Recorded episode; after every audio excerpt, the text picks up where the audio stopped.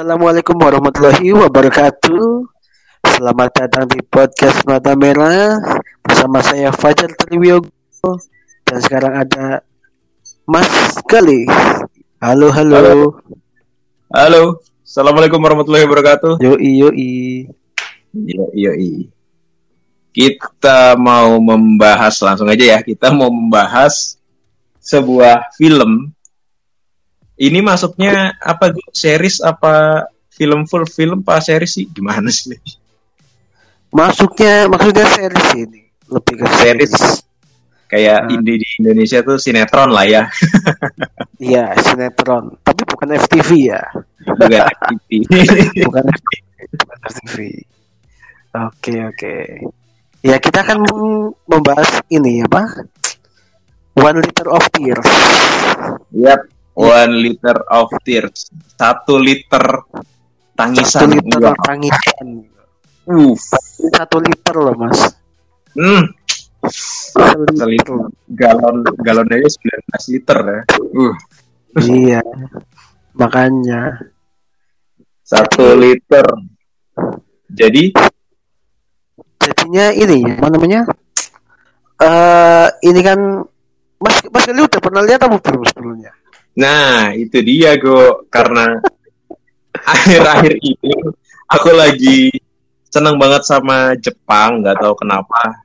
Terus Wah. episode terakhir tuh aku juga lagi bikin podcast yang Japan Film Festival Pak Japanese Festival Film tuh ya film-film Jepang gitu loh.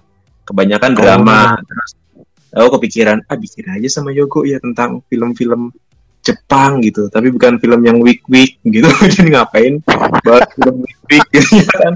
Bulan puasa juga. Ya udah. Bikin gue bikin-bikin gitu. Kamu ngasih rekomendasi film yang membuat nangis gitu. Wah kayaknya cocok ini. Ayolah gue bikin. Kamu kasih tahu One Liter of Tears, aku cek sebelum bikin podcast kan kita research dulu lah ya. Gitu, riset riset dulu. Tadi sore sih setelah buka aku ngecek. Keren banget ternyata filmnya. Cuman Oh. cek beberapa tadi ngelihat review di YouTube dan benar-benar bikin nangis sih ya kok. Gila, gokil sih. Itu Ya. aja cuman Eh, sesuai dengan namanya lah, satu liter tangisan, Yap. ya kan? Karena ini eh, ini nggak bisa terbilang baru ya, karena ini udah lama juga sih, sekitar Mhm. tahun 2005-an lah kalau nggak salah tuh. Mm-mm. Dan ini aku juga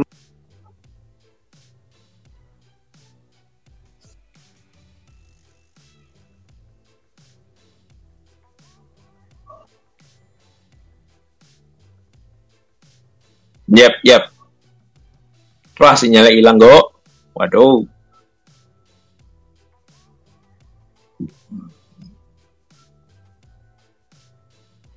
Sinyalnya hilang, sinyal hilang, sinyal hilang, sinyalnya hilang, sinyal hilang, sinyal hilang, sinyal hilang, sinyalnya hilang.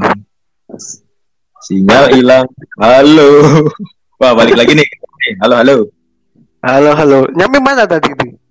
Sampai dua, tahun 2005-an apa ya film ini? Oh iya, film ini tahun 2005-an. Jadi eh aku nontonnya itu sekitar awal kuliah kayaknya baru nonton aku. Hmm. Tahu dari mana kok film ini kok? Itu tuh aku tahu dari seniorku di di SMP dulu. Aku Heeh. ya senior SMP sampai sampai kuliah tuh kenal deket lah maksudnya. Mm-mm. Begitu. Aku tahu rekomendasi banyak drama itu Oh. Oke, oke. begitu. Nah, kenapa namanya One Liter of Tears? Ya, Mm-mm. itu filmnya tuh banyak sekali menguras tentang menguras tenagamu, menguras air matamu gitu loh. Yap. Betul. Aku nonton sebagian aja tadi tuh. Bener-bener aduh nyentuh banget lagi kampret ini filmnya benar Iya. langsung banget. kena itulah Dan sedikit ini ini diangkat dong ini ya. Ah. Diangkat dari kisah nyata ini sebenarnya.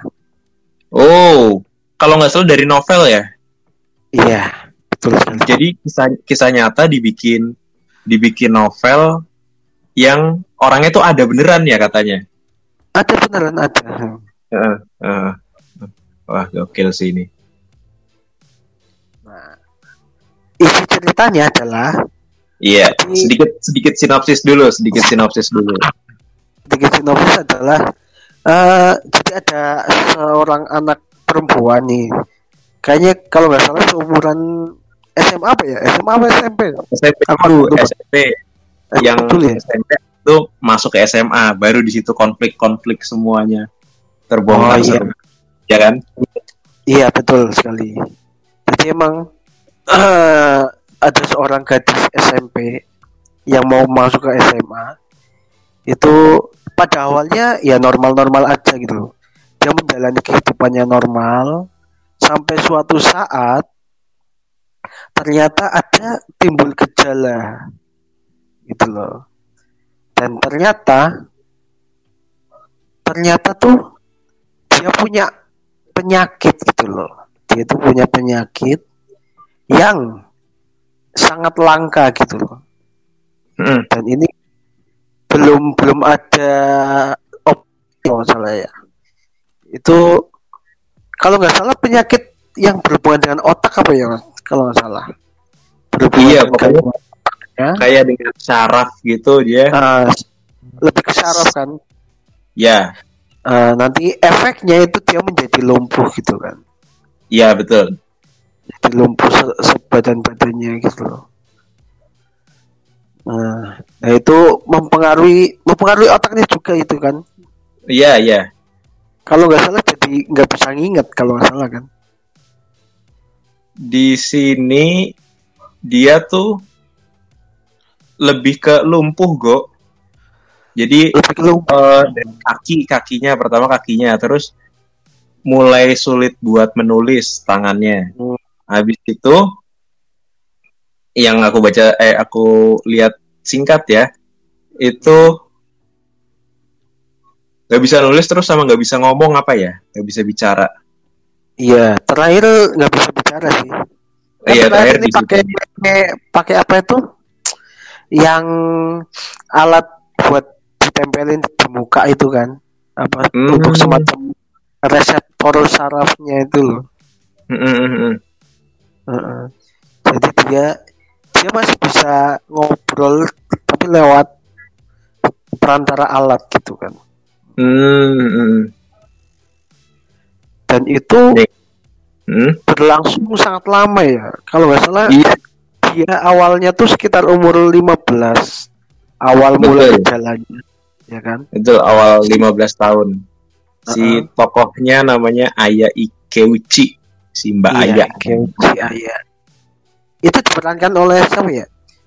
Aduh. Tante Erika kalau nggak salah. Sama Jelly Erika. Waduh, waduh, waduh.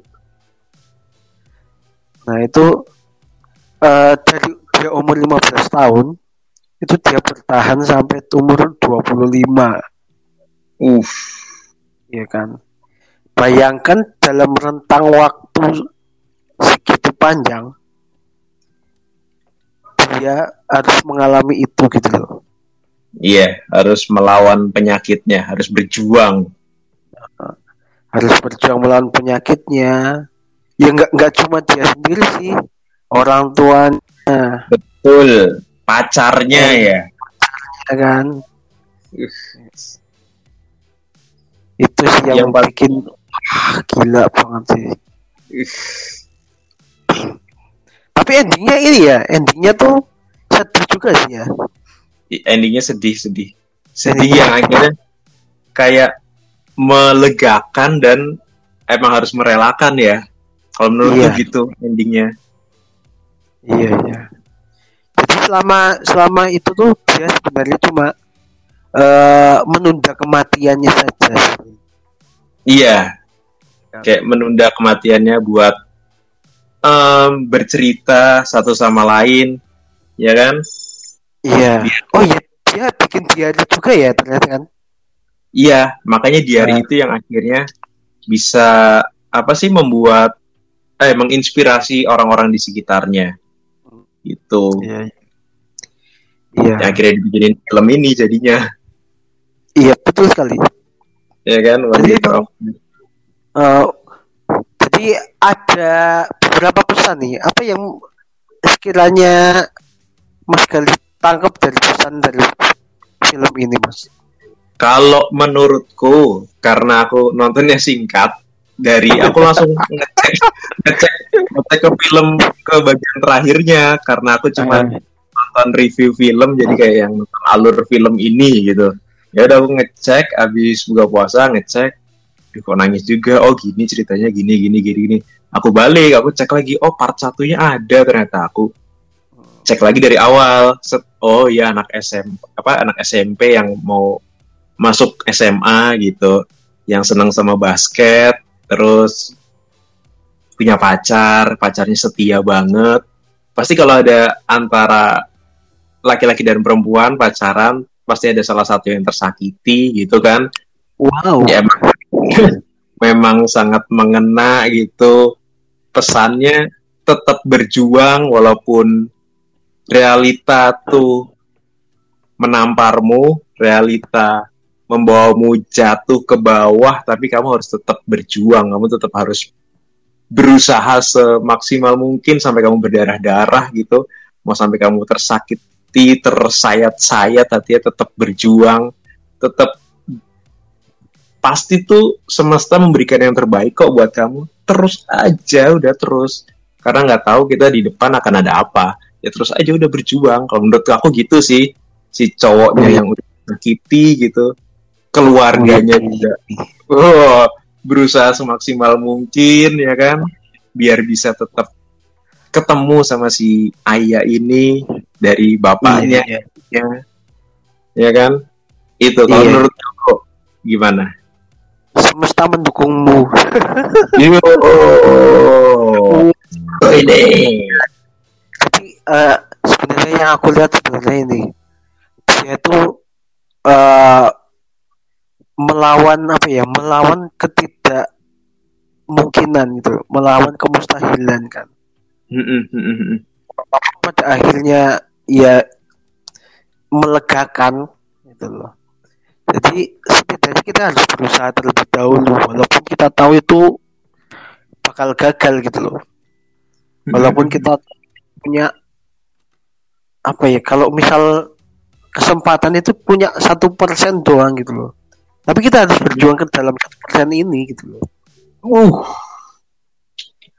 Dalam banget sih iya Yoko 2022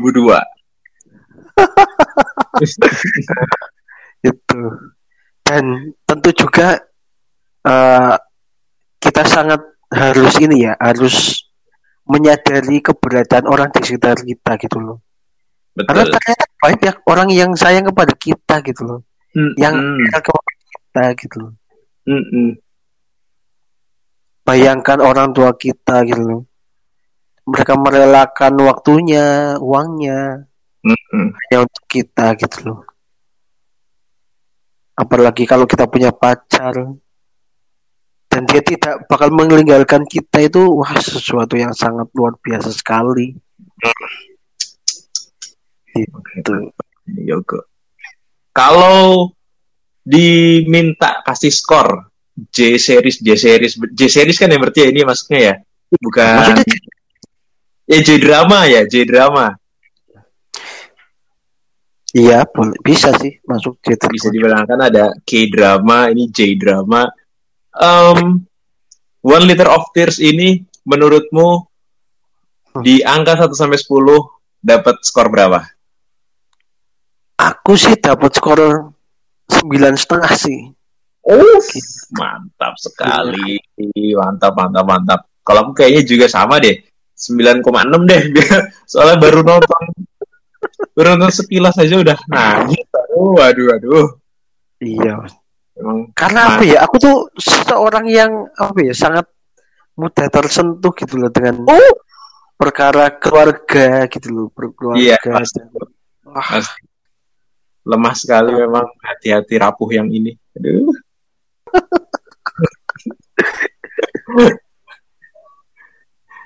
Dari sinopsis udah, sedikit review dari kita juga udah, um, skor juga udah. Mungkin next kita akan membahas beberapa film-film, entah series, entah anim, ya kan, Go? Di betul sekali. ke depan masih tentang Jepang kayaknya ya, Go. Tentang Jepang. Nggak tahu kenapa lagi seneng banget sama Jepang. Biar rame jadi ngajak Yogo.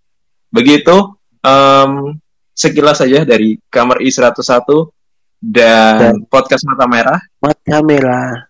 Yes, terima kasih sudah mendengarkan. Sampai bertemu di episode-episode selanjutnya. Wassalamualaikum warahmatullahi wabarakatuh. Waalaikumsalam warahmatullahi wabarakatuh.